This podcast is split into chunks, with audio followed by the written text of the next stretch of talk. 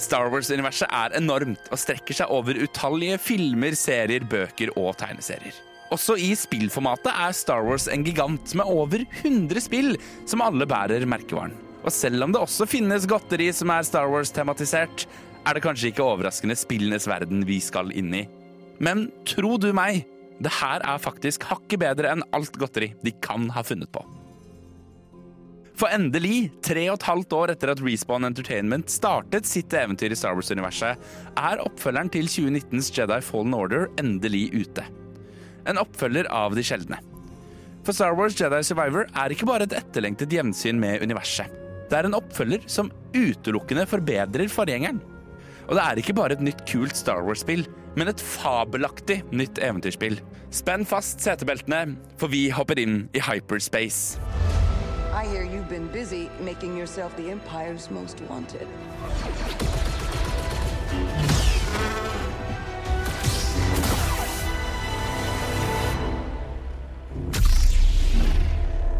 A Jedi.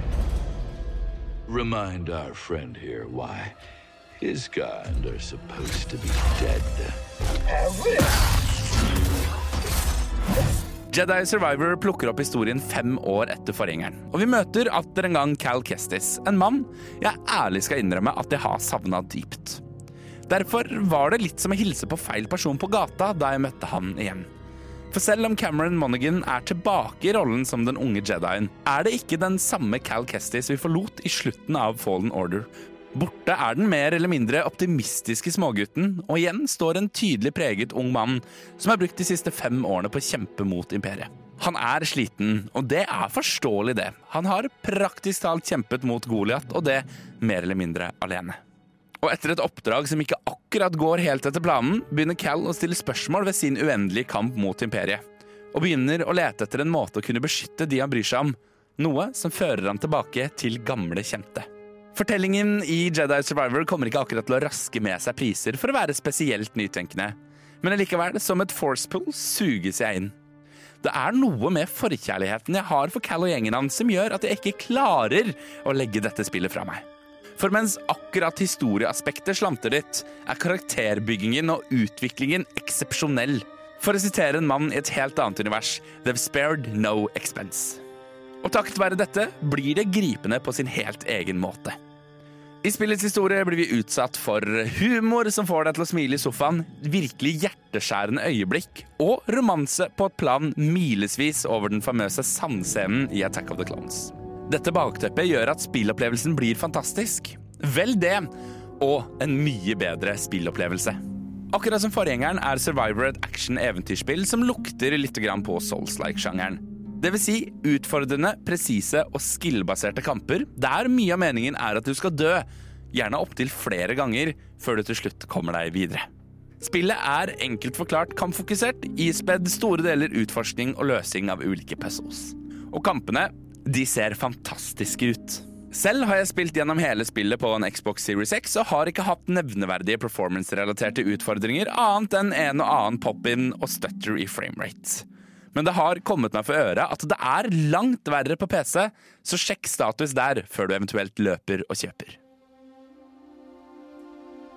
Spilloppfølgere har en lei tendens til å fjerne all progresjon fra forgjengeren og sette oss tilbake på bar bakke. Og gjerne også servere oss en halvdårlig unnskyldning om hvorfor karakteren vår plutselig har glemt alt vedkommende lærte i det forrige spillet. Jedi Survivor gir denne klisjeen en langfinger og lar Cal beholde alt av egenskaper. Tingene vi elsket i det forrige spillet er fortsatt her, som dobbelttopping, veggløping og ulike måter å bruke kraften på. Men i tillegg får disse godt selskap av nye evner. Respawn har virkelig sett sitt snitt i å fullføre noen av ideene de ikke rakk å legge til i Fallen Order, og gjort dem til ferdigutviklede egenskaper. Disse nye evnene er godt spredt utover i historien, noe som gjør at du stadig vekk tilegner deg nye evner du kan benytte deg av i kampen mot spillets mange fiender. I tillegg til dette ser spillet milesvis bedre ut enn forgjengeren. Det er rett og slett nydelig. Cameron Monaghan skinner i rolla som Cal Kestis, og grafikken er så utsøkt at vi ser hver minste muskel i ansiktet bevege seg. Det er som å se et ekte menneske, men uten at det krysser over i Uncanny Valley. En ekstra spesiell hyllest må rettes i retning av hårfysikken i spillet. Cals hår blafrer i vinden, og jeg blir aldri lei av å se alt håret på hodet hans reise seg oppover, for så å lande igjen idet du hopper ned fra en klippe. Men i min mening er det nok omgivelsene som har fått den største grafiske oppgraderingen. Der forgjengeren serverte oss nydelig, dog noe repetativ natur, disker Jedi Survivor opp med omgivelser som virkelig drar deg inn i spillet, og som bare må nytes. Og det er god variasjon i omgivelsene på de ulike planetene også.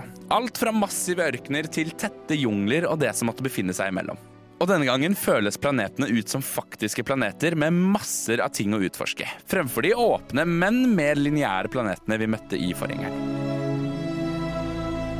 Nytt er også introduksjonen av en slags hub eller base, som stadig vekk utvides ved at nye karakterer flytter inn.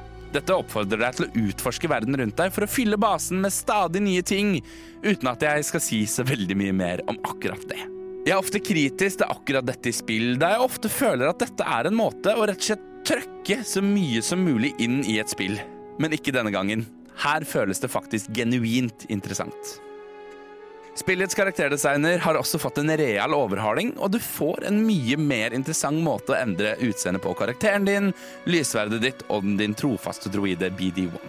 Og dette gjøres med en HUD som også ser jævlig fet ut. Gjemt omkring på de ulike banene finner vi både nye klær, nye greier til både lysverdet ditt og BD1, samt nytt hår og skjegg. Ikke still for mange spørsmål til sistnevnte. Og musikken? Jeg sier bare ti av ti, jeg. Dessverre står bossene igjen som et skår i gleden. Mens de andre fiendene blir progressivt lettere etter hvert som du tilegner deg nye ferdigheter, virker bossfightene nesten som spillbare cutscenes, der fiendene har muligheten til å gjennomføre en lang rekke med angrep du må blokkere, før du får muligheten til å gi dem en liten skramme med lysverdet ditt. Og så er det akkurat det samme en gang til. Det er spor av en liten forbedring fra forgjengeren, men dessverre er ikke dette godt nok.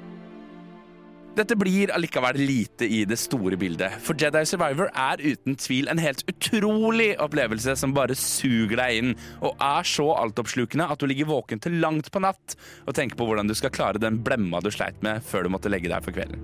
Jeg virkelig elsket Jedi Fallen Order da det kom i 2019, og var ekstremt engstelig for hvordan Respawn ville løse en oppfølger. Men jeg trenger vel kanskje nesten ikke å si at jeg er positivt overraska. Jedi Survivor setter skyhøye ambisjoner for seg selv, og det er en ren glede å se at de klarer å levere på de aller fleste områdene. Spillet lykkes i å skape nye og store verdener fylt med masse sideoppdrag du kan kose deg med, men uten å gå i Ubisoft-fella og gape over mer enn de kan svelge. Det tør så mye mer enn forgjengeren, og føles ikke bare som en oppgradering, men som en helt ny opplevelse. Jedi Survivor ender opp med en solid score på 97 av 100 troikabarer. Og dersom de klarer å kvitte seg med bossproblematikken, er det ikke mange stegene opp til toppen. Jeg kan virkelig ikke få anbefalt nok å gripe tak i kontrolleren og kaste seg ut i eventyret. Og på vei dit, may the force be with you.